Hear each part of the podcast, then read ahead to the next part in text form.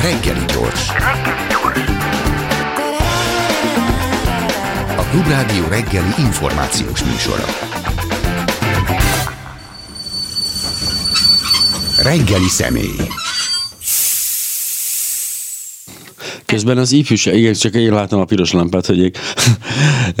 közben a ifjúságkutatás eredetéről eszmet cseréltünk Szabó Andreával, szociológussal, aki a mai reggeli személy lesz abból az alkalommal, hogy olvastam a blogbejegyzését, ami elég speciális, mert hogy ugye, mert hozzászoktunk, hogy ilyen egyrészt szűrt adatokat kapunk, másrészt furcsa, hogy mit kapunk, mit nem kapunk, mit következtetünk, de ez egy teljesen nyílt, nyílt adatbázisból dolgozó kutatás, méghozzá KSH-nak a, a, a halálozási statisztikáiból, ami hát nekem is kedvenc olvasmányom egyébként.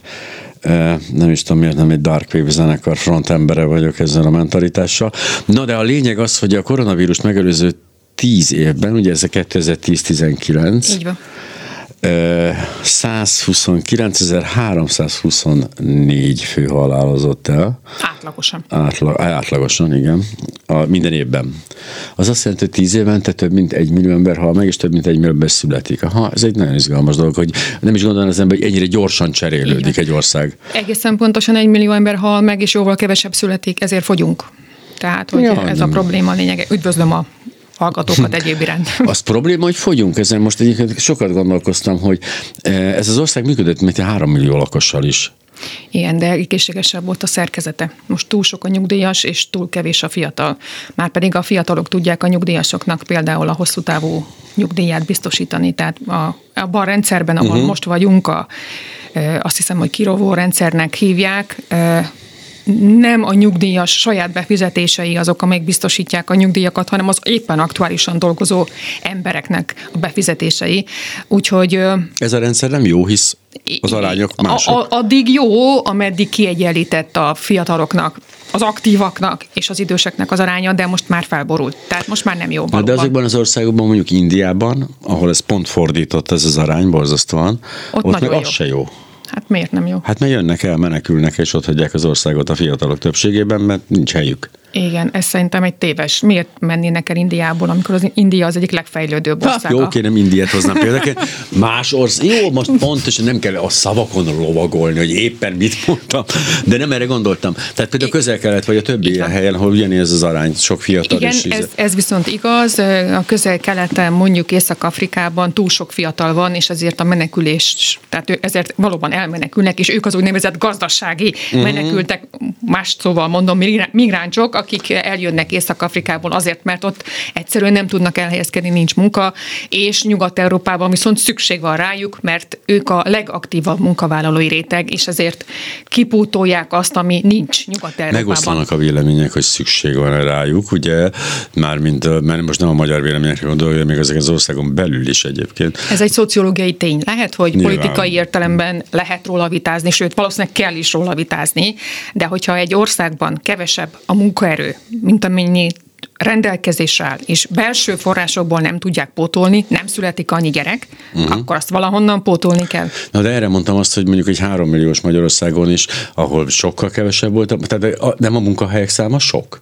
Nem inkább azzal a probléma, hogy túl sok munkahely van? I- igen, ezt azért kérdezzük meg az emberektől, hogy úgy érzik-e, hogy túl sok a munkahely. Nagyon sokan azt gondolják, hogy túl kevés. Tehát, hogy itt van egy elképesztő ellentmondás, mert egyrésztről valóban túl sok munkahely van, másrésztről pedig nagyon sok ember számára nincs munkahely.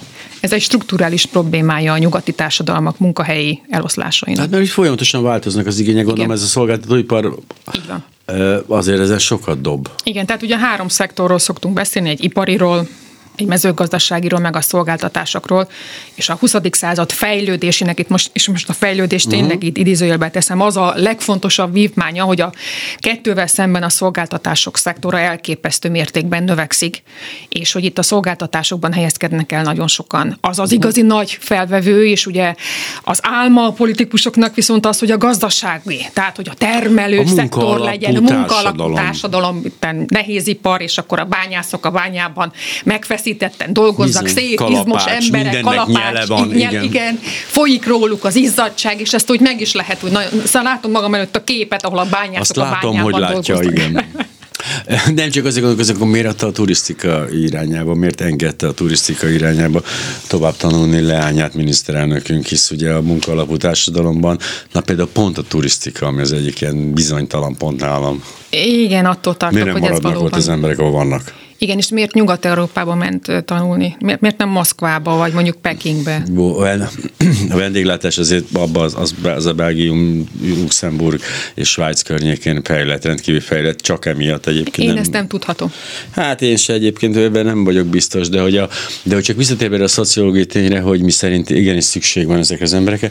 Ugye a Brexit, ez nagyon érdekes, mert ugye ez pont ennek a szembe, szembe menés ezzel, és ott beszéltem, volt szerencsém egy ö, hölgyel, aki arisztokrata, angol arisztokrata hölgy, aki hát mondjuk speciál életében nem dolgozott soha semmit, de, de a férje sem, és hogy Ezért arisztokrata, igen. igen, valószínűleg, de valószínűleg a, a, a, tehát a fel, felmenő is sem, és ő neki ez a, neki ez a meggyőződése, hogy hát az angol iparban dolgozanak angolok. És hogy ezt, és így próbáltam neki rávilágítani, hogy ez ennyien tartatatlan, de mondom, egy dologban még bízhatnak, hogy újra megpróbálják rabszolgasorba az íreket betenni, mert akkor még meg lenne oldva. Szerintem ez egy kiváló megoldás lenne. Valószínűleg vannak is emberek, akik ezen gondolkodnak. Uh-huh. Ez egy kicsit szarkasztikus megjegyzés Ja, volt, még mielőtt bárki Nem, ezt ezt komolyan venni. Viszont, hogyha az arisztokratától megkérdeznénk, hogy úgy egyébként az ő háztartásában hány mondjuk indiai származású, vagy táj származású, vagy bármilyen származású migráns dolgozik, akkor meglepő számokat látnánk. Ugye, mint olyat, hogy angol társadalom, azért ez egy enyhe Nem ö, is túlzó csak ez ellen megjegyzés. van kifogásuk, csak ne, hogy ne legyenek állampolgárok, az zavarja őket. Igen. Tehát az indiai dolgozhat, azzal nincsen olyan nagy bajom, csak hát azért menjen vissza, amikor akarom Indiába. Tehát ez teljesen legitim álláspontot. Ja, ja, ja, aha, tehát, hogy az, hogy ő egyébként, az a szegény, aki ott dolgozik a háztartásában, mit akar, az egyébként teljesen le van. Hát ö, Ez egy érdekes szempont egyébként, valóban Igen. nem merült föl. valóban, igen. Tehát Talán ugye- ez egy helytelen hozzáállás, Amennyiben. amennyiben minden embernek azonos joga van egy Ez egy demokráciában. izgalom. Hát egy demokráciában, igen, de hát ahonnan ő jött, már bocsánat. Tehát, hogy ezek azért nem finoman ki, kiegyensúlyozható problémák. Nem mindegy, de té- tényleg tartatatlan az álláspontja, és egyszerűen nem érti ezt, mert ugye az, azért azonnal jelentkezett a munkaerőhiány, az volt a szép Igen. a Nagy-Britániában, hogy tehát akkor a jó napot, de akkor fagyott zöldséget ki fogja becsomagolni? Hát senki. Tehát ez, és Nem, hogy, ennél rosszabb a helyzet, mert a fagyott zöldségnek először benne kell lenni a hűtőházakban. Tehát először a zöldséget valakinek meg kell termelni, Hmm. majd le kell szedni, el kell szállítani a fogyasztó helyekre, tehát ezekre a centrumokba. Na most azok sincsenek, akik termelik a zöldséget, akik leszedik a zöldséget, pláne akik elszállítják a zöldséget. Az, hogy aztán már fagyasztani, és akkor az hogyan kerül el a boltokba, az már egy harmadrangú kérdés. Az egy jó kommunikáció ám, hogy akkor mi nem menekülteket fogunk beengedni a munkaerőhiány megoldására, hanem több magyar gyermek születik. Ez egy nagyon jó hangzó dolog. Igaz, soha senkinek nem sikerült még a fejlett világban, és soha senkinek nem is fog sajnos, tehát ezt kell, hogy mondjam, elkeserítve valószínűleg a miniszterelnök urat ezzel a kijelentésemmel, de erre törekedni azért az nem az ördögtől való. Nem, sőt, ez nagyon is támogatandó cél. Mhm. Uh-huh. Az a kérdés, hogy az a számomra megszámlálhatatlan mennyiségű pénz, amit beleöltünk az elmúlt években családpolitikában is. Azzal Mhm. elértük, hogy egyik évről a másik évre mondjuk 600-al több gyermek születik. Minden egyes élet rendkívül fontos, és az a 600 gyermek, az, azt vegyük pozitívnak, Mhm. Hogyne, hogy hogyne. megszületett, csak nem tudom, hogy jó-e, vagy hogy, vagy hogy társadalmilag megéri-e, hogy ennyi pénzt beleteszünk 600 Tehát van egy mondjuk, hiányzik mondjuk 100 ezer ember, és akkor 600-zal Igen. hozzájárulunk ehhez, és akkor már csak 99.400 Igen, és akkor azt tisztelettel megkérdezem, hogy azt a 99.400 embert egyébként honnan pótoljuk, és az a meglepő állítás van, hogy külföldről, migránsokkal pótoljuk. Nem, hanem tőlünk a- a- anyaországtól eltakított magyarokkal pótoljuk ezt a Ez már nem így van. részben, Igen, részben. részben. Részben, ez ma már ugyanis egyszerűen nem elég. Tehát, Akkor meg rendes európai keresztényekkel. aha, hát ez sem teljesen így van. Tehát, hogyha azt nézzük, hogy mi a rendes keresztény, ez itt már olyan hitvitákban megyünk bele, amiben nem szeretnék A, belemenni. ez csak egy példa arra, hogy inkább jön egy ukrán ide Igen. Igen. dolgozni, mert a kultúrában mégis egy közelebb áll hozzánk, mint az a szír, aki hát édes jó Istenem, hát alig hallott Jézusról. Ja, a szírek mondjuk pont igen, de ez most mindegy, megint nem kell be.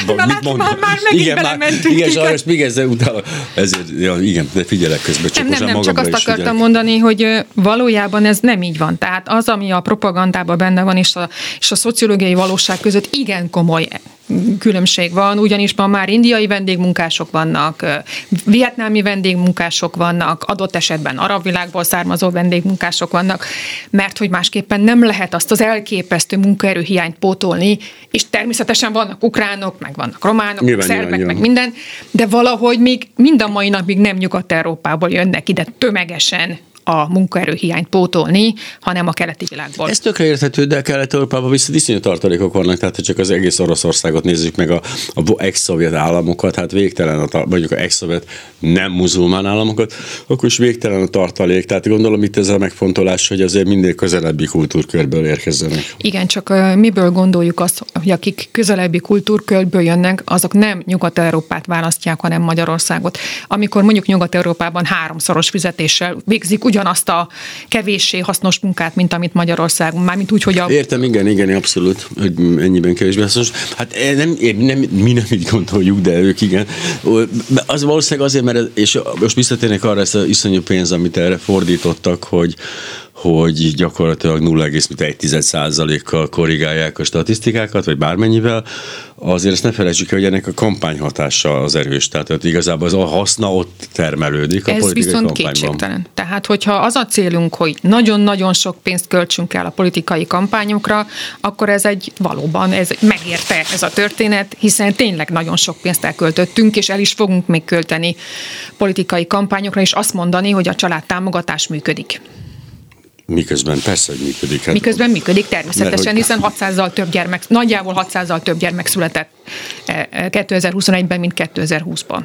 És a, ugye itt megint ez a baj, hogyha elkezdjük ezt így extrapolálni, ezt a születésszámot és halálozási számot, akkor valóban elég ijesztő, ilyen, ott ugye 50 év múlva elég ijesztő számokat kapunk. Igen, tehát a demográfusok azt mondják, hogy már 2050-ben nem, hogy 9 millió, de könnyen elképzelhető, hogy 7 millió körül lesz a magyarok száma, és ez pedig, hát azért ez szemben megy minden minden elképzelésünkkel, vagy, vagy minden jövőbelátásunkkal, és 2050 az azért, ha belegondolunk, már nem olyan nagyon hosszú hát év. Hát ezt még simán megélhetem, most, hogy belegondolok. Hát Legyen 85 így. éves lesz, hát nem, azt nem élhetem meg.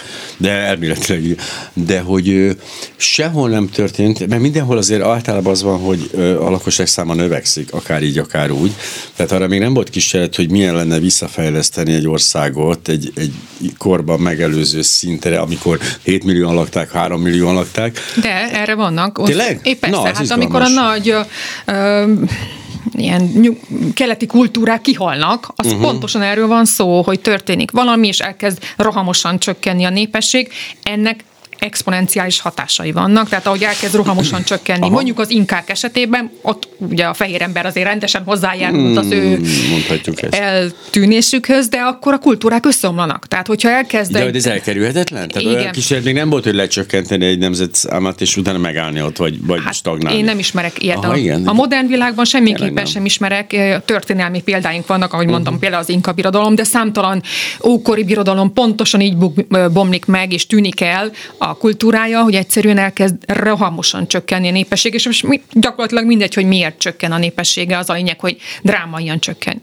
Márpedig, ha azt mondjuk, hogy 7 millió környékére számolunk 50, az drámai csökkenésnek felfogható. Igen. Hát akkor viszont minden igaz, úristen, hát fogy a magyar, hát meg, meg kihalunk, hát vége van, jönnek, és a, és a mindenféle szír, roma, és mit tudom, még fogják benépesíteni Kárpát-edencét, és még senki sem József Attilát olvassa majd eredetiben. De miért nem gondoljuk azt, hogy ők is majd valamilyen módon asszimilálódnak és részesei válnak a kultúránknak. Miből gondoljuk azt, hogy a magyar nemzeti kultúra az egyforma? Hát nyilván a, a történelmünk nem ezt igazolja, hisz egész történelmünk Igen. erről szól, erről asszimiláltunk. Szól, Igen, de most azt érzem, hogy de és egyébként tényleg gyávasságnak gondolom, ez az 1300 befo- a, a kvótáról beszélek, mikor be kellett volna fogadnunk, hogy 1368 menekültet, és ez annyira megrázta volna a magyar kultúrát, hogy gyakorlatilag megsemmisült volna, és akkor pont ezen gondolkoztam, hogy most ennyire elvesztettük az önbizalmunkat, hogy nem tudunk integrálni 1360 főt, ami hát azért nem egy olyan nagy dolog, és ha nekünk tényleg olyan csodás erős kultúránk van, mint ahogy tényleg Mint az ahogy van, az van, így van. és hogy eddig még mindig sikerült, akkor most miért pont ez a kormány gondolsz, hogy neki nem fog? És akkor én mindenki mecsetet épít.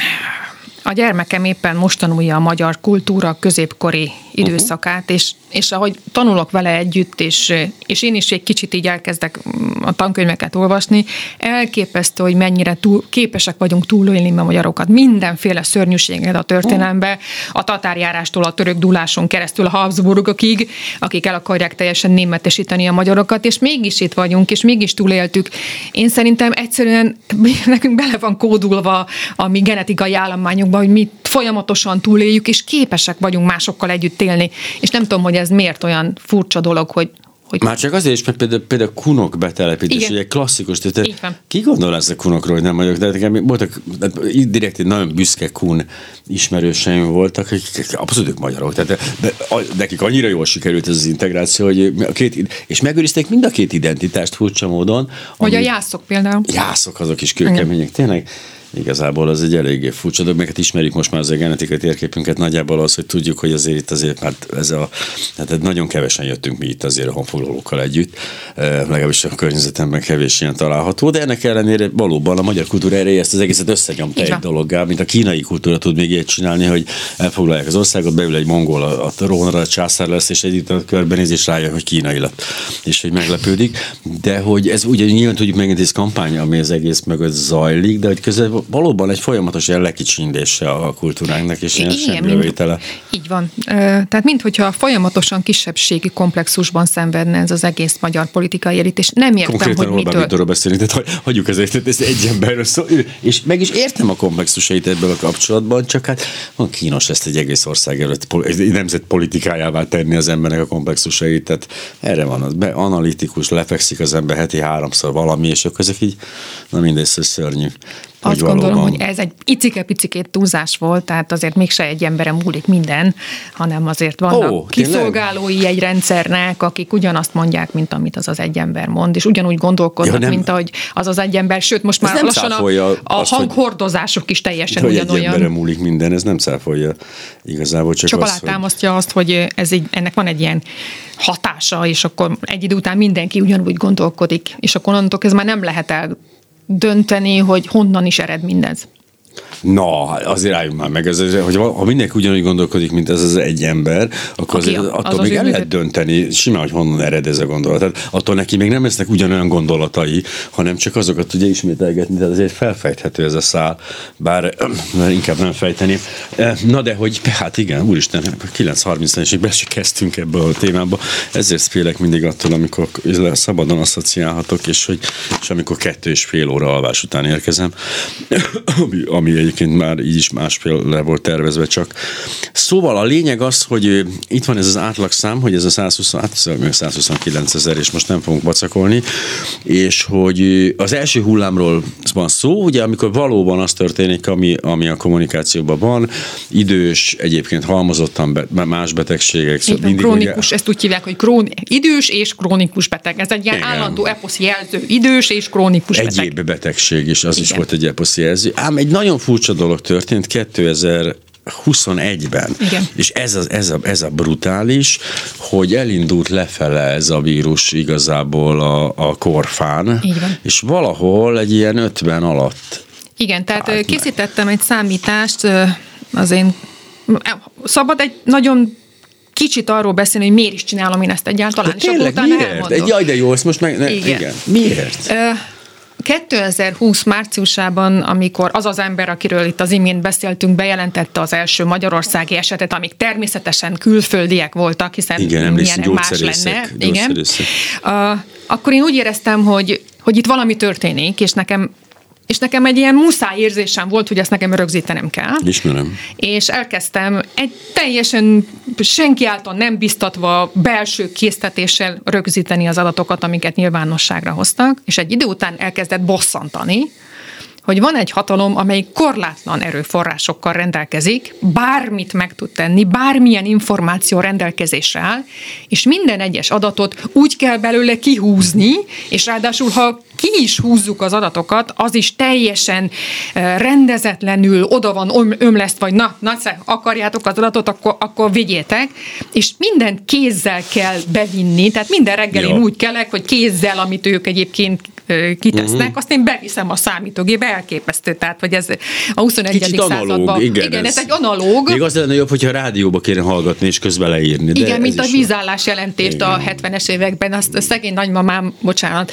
ő mindig az, a, úgy hallgatta, hogy úgy, ebéd után mindig úgy aludt el, hogy hallgatta a vízállás jelentést, és amikor... Az enyém is, úgyhogy én nekem is a fülembe van, igen, hogy a hajóvonták találkozása hol tilos. És egyszer meg, szegénykém szúnyókát, és megkérdeztem, hogy mi az a hajó, hajóvonták találkozása tilos, és sose tudtam meg, hogy mit jelent az, hogy hajóvonták találkozása tilos, zárójel bezárva. Mm. Szóval elkezdett bosszantani ez az egész dolog, és különösen akkor, amikor olyan elemi hibák voltak, hogy mitán valaki kézzel viszi fel ezeket az adatokat, egyszerűen elüti. Mm. És akkor kiderül, hogy a számok nem egyeznek egymással, és az nekem így egy, egy ilyen Szóval én a rossz érzéseim voltak ettől, és folyamatosan gyűjtöttem az adatokat, és elkezdtem összehasonlítani az adatokat azzal, amit a Központi Statisztikai Hivatal hivatalosan kiad mondjuk halálozási adatokat. Mm.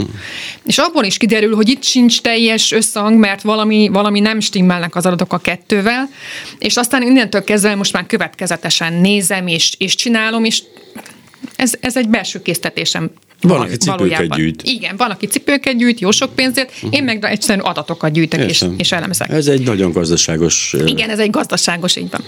Szóval ami a 2020 és 2021 közötti különbséget jelzi, 2020 végén, 2021 elején nagyon sokan azt mondták, hogy itt nincs is többet halálozás. Tehát ez az egész Covid, ez tulajdonképpen nem is olyan nagyon halálos. Belesimul így Mert belesimul. Most tízezerrel többen haltunk meg Istenem, uh-huh. vagy 15 ezerrel. Egyszerűen arról van szó, hogy 2020-ban más típusú emberek haltak bele a koronavírus járványban, mint 2021-ben. Valószínűleg a vírus élet ösztöne okán, és nem beszélve az oltásokról. Tudjuk, a vírus nem biztos, hogy él, de ez most mindegy. Igen. I- igen. Szóval, hogy az oltások és a védekezés okán az, az embereknek a saját önmaguk uh-huh. védekezése után ez nagyon fontos, tehát önmaguk vigyáztak önmagukra, ezért 2020-ban még tényleg a 60 év feletti, de leginkább a 70 év feletti Aha. idősek körében volt nagyon nagy arányú halálozás. 2021-ben különösen mindenki emlékszik a 2021 tavaszi azt hiszem, hogy az volt a harmadik hullám, bár most már itt a hullámok teljesen össze vannak a De fejembe az volt a harmadik, igen, igen, az a brutál, igen. Igen, akkor valami egészen elképesztő változás történik, ugyanis az idősektől elkezdett szépen lefelé menni életkorban a halálozás, és most már 50 évek 50 év alattiak körében van halálozási többlet a 2020-as mhm. évhez és a 2019-es évhez képest is. Tehát nem az idősek azok, akik arányaikban többen haltak meg 2021-ben, és hanem ez egyértelműen kiviláglik a KSH statisztikákból. Pontosan, csak össze kell adni, kicsit számolgatni. Tehát semmi bonyolult, tehát nem kell ö, deriválni és integrálni az adatokat, egyszerűen százalékot kell számolni. Ezt meg talán még általános iskolában is megtanultuk, hogy hogyan kell százalékot. Ha veszi valaki magának az intellektuális fáradtságot egyébként, mert itt inkább az a megúszásra játszanak, közülünk adatokat, ezt nem is ott lesznek. Pontosan, állítja. igen. Na de ha valaki, mint ön például, hogy hát elkezd százalékokat számolni, ami hát egyébként egy rendkívül érdekes és speciális hétvégi tevékenység, de hát a lelke rajta, akkor kijönnek ezek az adatok. Ez ez 2021 tavasszal nagyjából, amit nézünk? 2021 tavasszal és 2021 vége.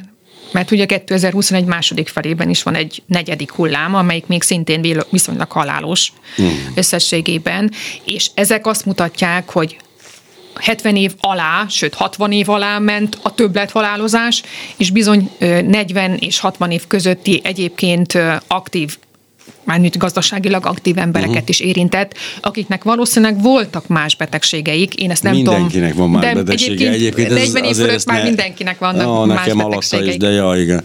Ja, Szerintem... 40 év alatt én nem is Persze. gondolnám. Nem, én Akkor nem nagyon vagyok. jól tartja magát. Egyrészt nagyon kedves, köszönöm, és hogy magam is így gondolom, de másrészt nem, csak úgy gondolom, hogy ha visszaemlékszel nekem, a 40 év alatt is voltak mindig valami. Tehát, hogy azt gondolom, hogy az egészséges ember ez csak mitosz, egyfajta ilyen marketing dolog, de hogy De hogy persze, hát bárkit meg, megvizsgálnak, akkor találnak nála valamit még a Covid-on kívül, de a lényeg inkább az, hogy ez, ez trend, tehát lehet, hogy ez lejjebb is megy majd, ha megnézzük a, mondjuk az idei évet. Igen, az ötödik hullám, amelyik most volt 2021 legvégén 2022-ben, ez már egyértelműen leginkább a fiatalokat érintette. Ez nagyon szépen látszik a betegségekből, hogy kik kapták el ezt a betegséget, de ez az ötödik hullámnak az omikron variánsa minden valószínűség szerint már nem annyira halálos. Tehát itt már nem biztos, hogy lesznek olyan többletadatok, többlethalálozási adatok, mint amelyek voltak 2021-ben és Illetve 2020-ban. aki azt mondja, hogy lesznek, azok azt mondják, hogy inkább az egészségi túlterhelése miatt, hogy a nagy mennyiség miatt lesznek ilyenek, ha lesznek. Ha, ha lesznek, igen. Tehát elképzelhető, hogy itt már 2022-re nem fogunk olyan többet halálozást látni, mint amit láttunk sajnálatos módon 2021-ben és 2020-ban is.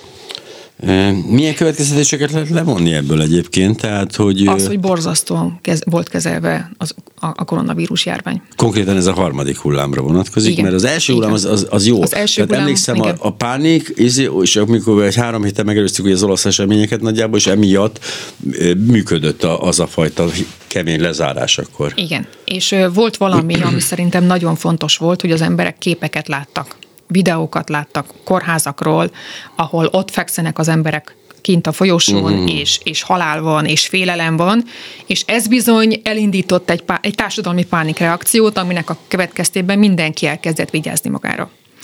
Én azt gondolom, hogy ahol volt probléma, az két hely, az egyik az, az adatközlésnek a hitelessége, tehát az, hogy az ember nem bízhatott azokba, amit mondott a nem a tudom kicsoda, akárki, bár, itt, hogy ki mondta, az, az egy kérdés.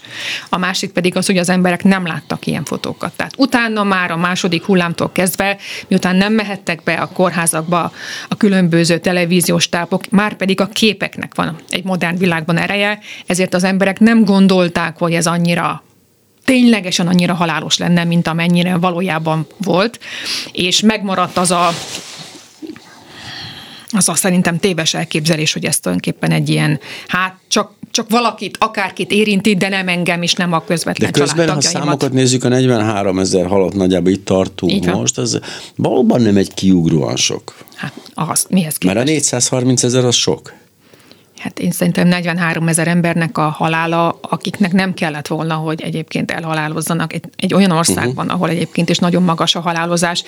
Itt ebben nem, értek egyet. Mert az influenza járványnál ugye ezt a számot olyan 20, 20 ezer köré szokták tenni nagyjából. Hát, nem tudjuk, hogy mennyi. De ugye, amit olvastam, mert azért csak, hogy, hogy hogy fordult ez meg, mert ugye emlékszem, a kezdeti reakciója az volt az embereknek, hogy hát mégiscsak az orvosok azért tanultak, hogy jobban tudják, rájuk hallgatok. Ugye a második, akkor az első, nem is volt ilyen az első hullámban, emlékszem, semmiféle ilyen szervezet vagy szervezetlen tiltakozás. Most viszont a legközelebbi baráti és ismerőségi körömben is már felül kerekedett az a nézet, hogy elég. Szóval engem most nem érdekel. Beállok, beállok, de ezt most hagyjuk abba. Az az igazság, igazság, hogy ezt ismeri a pszichológia. A, gondoljunk bele, hogy a második világháború pusztítás alatt is voltak emberek szerelmesek. Kapcsolatba karultak gyermekek születtek. Uh-huh. Tehát az emberek megtanulnak együtt élni a fájdalommal, a, a, a háborúval, a pusztulással. Ez, e, e, egyszerűen belefáradnak abba, hogy uh-huh. a mhm. pusztulásnak milyen következményei vannak, és az emberi túlélési ösztön mindennél erőteljesebb. Egyszerűen a túlélési ösztönünk azt mondja, hogy most már ez elég, most uh-huh. már megtanultuk azt, hogy mit is jelent ez a koronavírus, ezzel most már lépjünk túl, menjünk vissza a normalitás világába, csak attól tartok, hogy a normalitás már soha nem lehet ugyanaz a normalitás, mint amelyik 2019-ben volt Nem, de a normalitás mindig normalitás. Tehát ez Igen. a vicces, hogy mondjuk a szennyezett levegőben is van egy normalitás, a háború alatt is van egy normalitás. Eleve, hogy Magyarországon van normalitás, és Svájcban is van normalitás, ez nagyon nagy különbség. Tehát ezek így működnek. Ugye erről volt ez a, azt a statisztika, hogy a boldogság, hogy, hogy azt mondanák az emberek, hogy hát akkor úristen, Nigériában akkor senki sem boldog, de hogy de ugyanannyian boldogok, mint Igen. máshol, mert hogy a mihez képest, és akkor Igen. működik a dolog. Így van. Tehát most arra van az a fajta telítődés, hogy elég volt.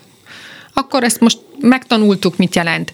Belekalkuláljuk az életünkben uh-huh. halált. És ez egyébként, ha belegondolunk, elég szörnyű, de ez így van. Tehát ez Nem a túlélési ösztönnek Én azért a, közlekedek a motorral, hogy mindig ott legyen ez a dolog nekem. Aha. Tehát például ez nagyon fontos számomra, hogy a motorral való közlekedés az azt jelenti, hogy sose vesztem el a kapcsolatomat a halállal teljesen. Hát kinek mi jutott, oh. igen. De miért ez jobb, ha így megfeledkezem, az ez csak a... Nem. Azt mondod, nem. Így az ember mindig a tudja, hogy ott, ott az ül mögötte még valaki, aki így ebben felelős ebben a dologban. Na szóval ez a, ez a dolog lényege, hogy két év lezárás után, két év ilyen nagyon kemény, gyakorlatilag a második világháború után teljesen ismeretlen szabadságkorlátozások után joggal mondják azt az emberek, hogy nekik ez már sok, sok az életükből. Már nem szeretnének folyamatosan félelemben uh-huh. élni, és nem gondolom... És ez felülírja az értelmet?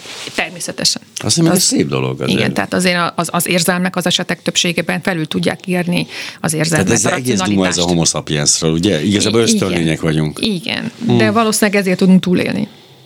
Igen, de, ez so, de rengeteg probléma is adódik ebből. Hát természetesen. És mindenki gondoljon a saját életére, hogy a két dologban ugye a képek, ugye, és az adatközlés, és én, én ellentmondást ezek egy picit, tehát hogyha olyan ember, olyan faj vagyunk, aki a képek alapján ha meggyőzze valamiről, az azt jelenti, hogy emocionális döntéseket hozunk, minden érzelmi döntés. Mi szükség adatközlésre? Hát az, hogy B, meg, az adatközlés csak az felnőttekről úgy teszünk, mint a felnőttekre laknák. De hogy, hát mindig, rengeteg hülye van, pár eh, tízes százaléknyi, aki értelmezni tudja egyáltalán az adatokat ebből a szempontból, hogy igaza van a kormánynak, hogy ez félázsiai nép vagyunk, csak az erőből értünk, nem az adatokból, hagyjuk már francba.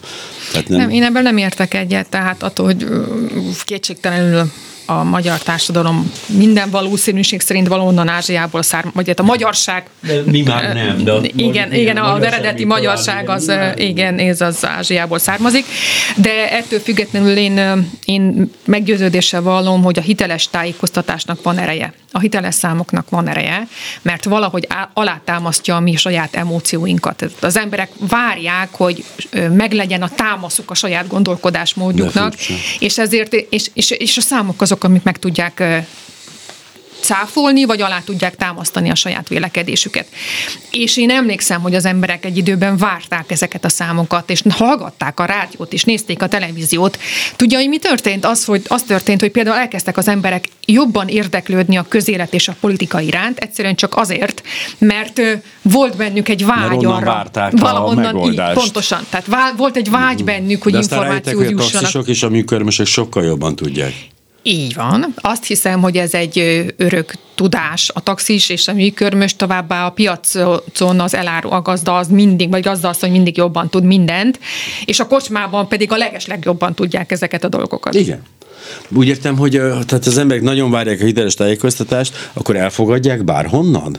Ha nem kapják a megfelelő helyről, akkor automatikusan fordulnak a teljesen bizonytalan, abszurd források felé a végén? Így, akkor, hogyha azok véleményvezérnek számítanak hiteles információként. Tehát az emberek hiteles információkra vágynak, és az a kérdés, hogy ők személy szerint kit tekintenek hitelesnek. Nagyon mhm. gyakran a kormány tekintik hitelesnek, vagy sokan a, uh-huh. a, a kormány tekintik hitelesnek, nagyon sokan nem a kormány tekintik hitelesnek, hitelesnek, hanem valamilyen személyes kapcsolatból származó információt tekintenek hitelesnek, uh-huh. de a személyes kapcsolatból származó információk végső forrása mégiscsak valamilyen hivatalosság. Tehát ez egy ilyen körkörös történet, valahonnan Ebből az információnak valóban az orosz titkosszolgálati hivatalosság, de, hogy, de hogyha ez így lenne, az emberek hiteles információt vágynak, akkor bele néznének a Facebookba. Tehát akkor ez megint csak az, hogy de hát akkor... Hát ők, de ez nem, belenéznének, mert azt gondolják, hogy a Facebook egy hiteles forrás. Ja, na ebből is ebből látszik, hogy félázsiai nép vagyunk, és csak az erőből értünk. Mert hogy aki ez hite... Igen, mert hogy ez megint csak olyan, hogy azt mondjuk, hogy hát, ami a könyvtárban van, az igaz. De hogy hát a könyvtárban rengeteg könyv van, minden benne van. Azt Tehát, hiszem, hogy... hogy van egy olyan mondás, nagyon régóta, hogy mert azt mondták a tévébe, hogy. Igen, na ez hasonló egy És kicsit. ez a, most azt mondják, hogy mert azt, azt olvastam a Facebookon, Igen. hogy ez onnantól kezdve hitelesnek tűnik, és az, hogy vannak olyan emberek, akik tudják, hogy ez nem hiteles, vagy legalábbis megkérdőjelezhető a hitelessége, az már egy másik történet. Na jó, de ebből is azt tűremlik le, hogy teljesen felesleges a, a, a kormány részéről az adatközlés és a hiteles tájékoztatás, mert pont elég az, amit kapnak. Ő úgy gondolják, hogy nekik ennyi kell, mármint a kormány részéről úgy döntöttek, hogy elég furcsa módon egyébként, ez, ez, se volt, ez se volt koherens egyébként, hogy Nem, a tájékoztatás. Ez volt volt inkább, koherens. ami engem zavart, mert ha azt mondjuk, hogy stabil és ö, érdekvezérelt félretájékoztatást csinálunk, akkor ahhoz is érteni kell, szóval azt is, azt is jól kell csinálni. Itt inkább ilyen nem is, hangulat, hangulatokon múlt, hogy én nem is tudom, hogy milyen. Néha egy ember egy sajtótájékoztatón bemondott egy számot, és akkor mindenki nézte, ez honnan került elő. Ugye a, a bevontalkás lesz, azt a négy egyetem kutatását, ezért semmit nem találni nyomát a dolognak. Szóval nem volt még ebben se semmiféle egység. Engem ez zavart igazából. Mert egy jól működő ilyen klerikál fasiszta állam azért az odafigyel arra, hogy félretájékoztasson rendesen. Nem tudom, hogy klerikál fasiszta állam van-e. A politológusként azt hiszem, hogy ezen kategóriákat nehezen tudom értelmezni. Ez irodalmi kategória, én többek között tőlem, igen. De nem jól hangzik a klerikál fasizmus, ez szerintem egy ilyen jó, van egy ilyen hangulata. A gerontofasizmus volt a másik, de ez régebben zajlott, és még a rendszerváltás előtt. De hogy... Azért klerikál fasizmus, mert a klerikaritátus az, amelyik mögötte van? Tehát Hát az nem, azt gondolom, világ? hogy egy olyan, hát nyilván arról szól az én elméletem, hogy a komcsik úgy döntöttek, hogy hülyeség volt nem az államra támaszkodni, és hogy akkor most megcsinálják ennek ezt a verzióját, amit a Putyinnál is gyönyörűen látunk, az ortodox egyház fantasztikus partner abban, amit csinál, és nálunk is nagyon lelkes támogatója az egyházak már, amelyik tisztelt a kivételnek. Azt akartam mondani, hogy ez egy kicsi túlzó általánosításnak tűnik nekem, és öm, azért, Amennyiben. hát azért vannak olyan tisztességes egyházak, amelyek nem hinném, hogy És alátámasztanák hogy azt. megérte ez az Iványi Gábornak, látszik is rajta, Igen. hogy igen, hogy kiváló ötlet volt nem támogatni a Orbánnak a törekvéseit. Valóban egyházak alapján nagy egyházakat érzük, és, egy, és ugye nekem az a legszebb példa, amikor a Puskás stadiont egy rabbi felszentelte, tehát innentől kezdve azt gondolom minden belefér a világba, nagyon-nagyon szeretem, de nem is ez a lényeg, hanem a hiteles tájékoztatásra picit visszatérve, hogy és akkor folyik egy ilyen adatgyűjtés, mert mindig egyfolytában nap, mint nap, Igen. mert csak próbálok visszakanyarodni a blogra. Ja, ja, ja, igen. igen. És, és akkor időnként úgy veszek egy lélegzetet, és elkezdek valamit megírni. Amikor éppen van időm, vagy éppen vasárnap reggel semmi dolgom nincsen, akkor leülök a gép elé, és, és összeszedem annak a hétnek, a hónapnak az adatait, és megpróbálom átgondolni, hogy milyen folyamatok vannak. Engem a folyamatok érdekelnek. Nem konkrétan az, hogy 128.365, mert nem tudom megjegyezni konkrétan, tehát ilyen számokat én nem tudok megjegyezni. Én azt tudom megjegyezni, hogy meg szerintem az az érdekes, hogy ebből mi következik. Hát a minta, hát az a Igen. lényeg. Az, az következik, hogy mi következik erre a tá- magyar társadalomban. Például az, hogy mondjuk az elmúlt 50 év legsúlyosabb halálozási mutatói voltak 2021-ben, az, hogy mennyivel fogyott a magyar népesség. Ezek mind olyan adatok, tényszerű adatok, amelyek nem cáfolhatóak.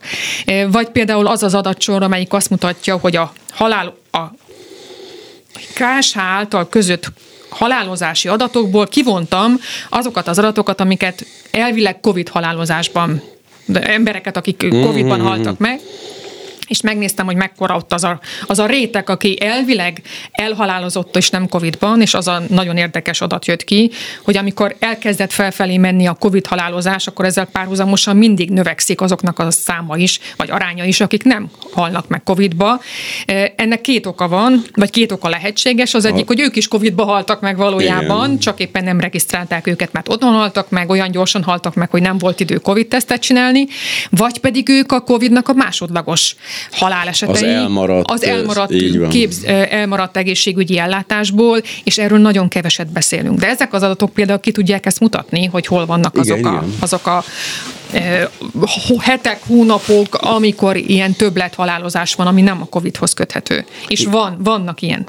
Igen, nekem ez a két veszőparipám, hogy az elmaradt különböző onkológiai kezelések, stb. nem számoljuk bele, hisz ott van többlet, és amit végképp nem számolunk bele, az a későbbre, a prolongált halálesetek száma, hogyha valaki, mit tudom, 8 év múlva fog meghalni, amiatt, Igen. hogy covidos volt, vagy, vagy, vagy valami, vagy elmaradt egy bizonyos ellátása, és akkor azt hiszem, hogy, és pontosan az, azt, azon gondolkoztam, és ez csak ilyen, ez fantázia, hisz nincsenek meg hozzá szociológiai alapjaim, de ezt a 42 ezeret azért olyan három-öttel tudjuk beszorozni, mint Covid áldozatokat, és na abban a pillanatban, amikor azt mondjuk, hogy 200 ezer ember, na akkor, akkor az viszont már nagyon sok. Hát az, hogy hárommal vagy öttel, azért az nem teljesen mindegy, hogy... Hát a- így az irodalom szempontjából igen, de a irodalom szociológia szempont- igen, szempontjából igen. kevésbé jó, Igen. tehát ez fránya kutatók, ezek mindig, igen, Igen, figyelem. velünk mindig csak a probléma van, Igen. mert a hárommal szorzás és az ötszer... Három nyolc, jó? Akkor akkor, hogy még, Három- még három durvább nyolc, legyen. igen. Háromszor nyolcszor annyian. Jó, igen. Igen. Egyikkel megnyertük a választást, másikkal pedig kétharmadot szereztünk. Ö, A Csak végén, a, a, de ahhoz képest, hogy ha mostan kitágul a nap és elpusztítja a, a nagyjából a marspályáig az egész naprendszert, ahhoz képest nem mindegy. de egyébként teljesen mindegy, de mondjuk az lehet, hogy nem holnap fog bekövetkezni, vagy nem 5 mondjuk milliárd év múlva, de hát könyörgöm, az itt van. Azért hogy eltelt az előző 13 milliárd is? keveset tudok erről, bevallom őszintén. Sikerült olyan terepre csalnom, ahol már nem biztos. Szóval visszatérve, igen. Sok mindenhez érte, speciál a csillagászathoz kevéssé. Na, na, hát igen. Hát ez, ez. Szóval visszatérve ehhez, igen, minden valószínűség szerint a COVID-nak a másodlagos halálozási adatait azt a következő években fogjuk látni, uh-huh. amikor is meg fog nőni például a érrendszeri betegségben meghaltaknak az aránya, illetve hát a rákbetegségben meghaltaknak az aránya. Ezt ezt nagyon nehéz lesz kimutatni, mert akkor viszont már jóval kevesebb lesz a COVID elsődleges Hát haláleseteinek ez a ez pedig egy sztróknál ki fogja azt Igen. most vizsgálni, hogy egyébként most következett volna be, vagy tíz év múlva. Ez borzasztó. Miért nem is vizsgálhat ez a történet? És egyet ne felejtsünk el, hogy mindezt úgy beszéljük, hogyha volt kétszer is, sőt, tulajdonképpen háromszor volt lezárás, ahol nem voltak közlekedési balesetek például.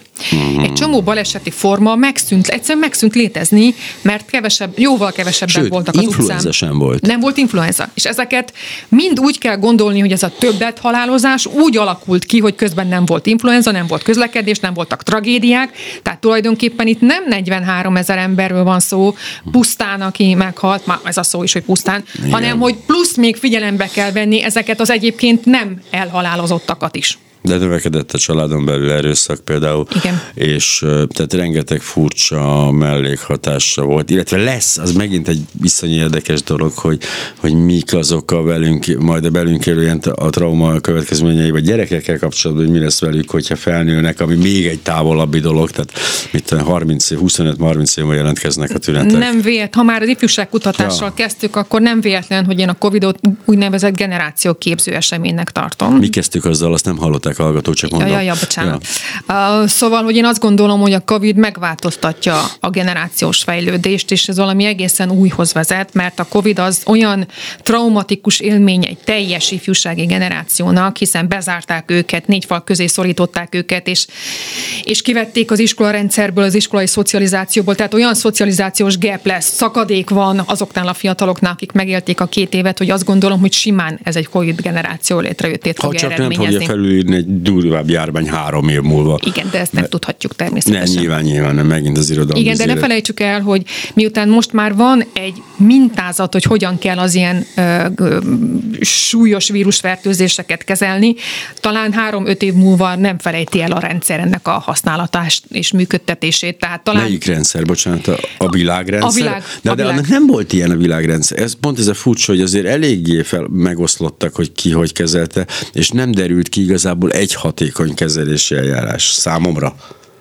Valóban, de azért mégiscsak van egyfajta nemzetközi együttműködés például a gyógyszerek előállításában. Itt azért van Ez egy olyan igaz. technológiai fejlődési ugrás, amely lehetséges, hogy nem következett volna be, hogyha nincs a COVID, és ezt most már lehet adaptálni Mhm. három év múlva, öt év múlva, tehát az a, az a tudományos tudás az azért megvan, amelyik az elmúlt két-három évben létrejött ennek hatására. És ha, ha ez a nyereség, akkor ez egy az iszonyatos veszteséggel Nyilván, szemben, nyilván.